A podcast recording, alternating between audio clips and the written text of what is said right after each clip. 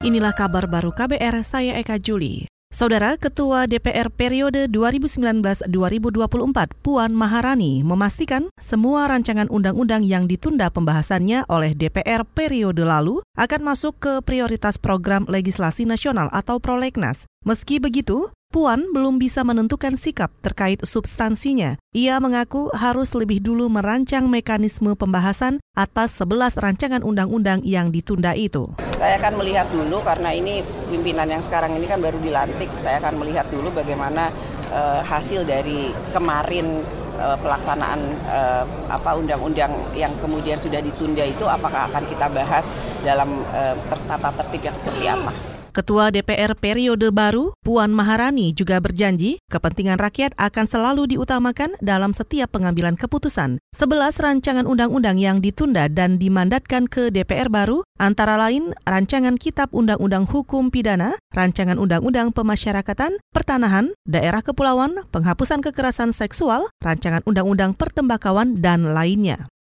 Saudara, tidak ada keterkaitan mutlak antara rancangan undang-undang penghapusan kekerasan seksual dengan rancangan Kitab Undang-Undang Hukum Pidana atau RKUHP. Hal itu ditegaskan oleh Ketua Komnas Perempuan Azriana Manalu. Ia menilai alasan DPR menunda pengesahan rancangan Undang-Undang Penghapusan Kekerasan Seksual hanya mengada-ngada saja. Bahasannya RUU Penghapusan Kekerasan Seksual ini disahkan sehingga keterbatasan RKUHP dalam mengenali kekerasan seksual bisa dijawab oleh RUU Penghapusan Kekerasan Seksual ini kita bisa menghadirkan keadilan untuk korban tapi akhirnya korban tidak dapat apa pun.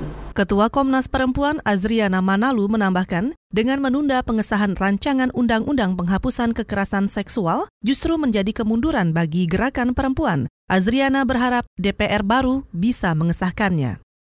Saudara Komisi Perlindungan Anak Indonesia atau KPAI mengimbau kepolisian untuk memiliki standar operasional prosedur atau SOP khusus dalam menangani unjuk rasa yang dilakukan pelajar. Komisioner KPAI Retno Listiarti menilai kepolisian belum punya SOP khusus untuk itu dengan bercermin pada aksi unjuk rasa sejumlah pelajar ke gedung DPR Senayan Jakarta dalam sepekan terakhir. Jadi kalau menurut saya menghadapinya tidak dengan senjata karena anak dihadapi senjata mereka pun kan jadi mudah terpancing juga ya maka mereka ambil apa yang mereka bisa. Nah ini kan menghadapi anak-anak kan harusnya tidak dengan cara-cara seperti itu ya berhadapan-hadapan dengan kemudian dengan menggunakan senjata, gas air mata, dan lain-lain. Menurut saya ini kan sesuatu yang kurang tepat. Komisioner KPAI Retno Listiarti juga mengimbau kepolisian seharusnya mengedepankan dialog dan penanganan persuasif dalam menangani unjuk rasa pelajar, bukannya malah kemudian menembakkan gas air mata yang justru sangat membahayakan mereka.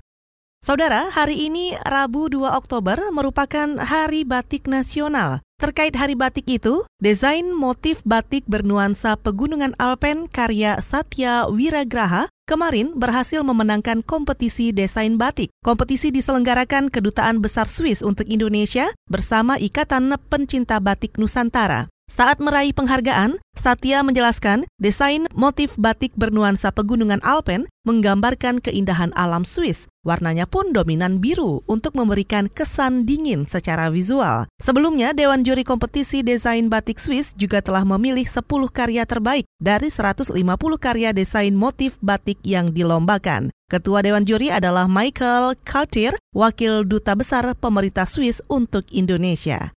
Demikian kabar baru, saya Eka Juli.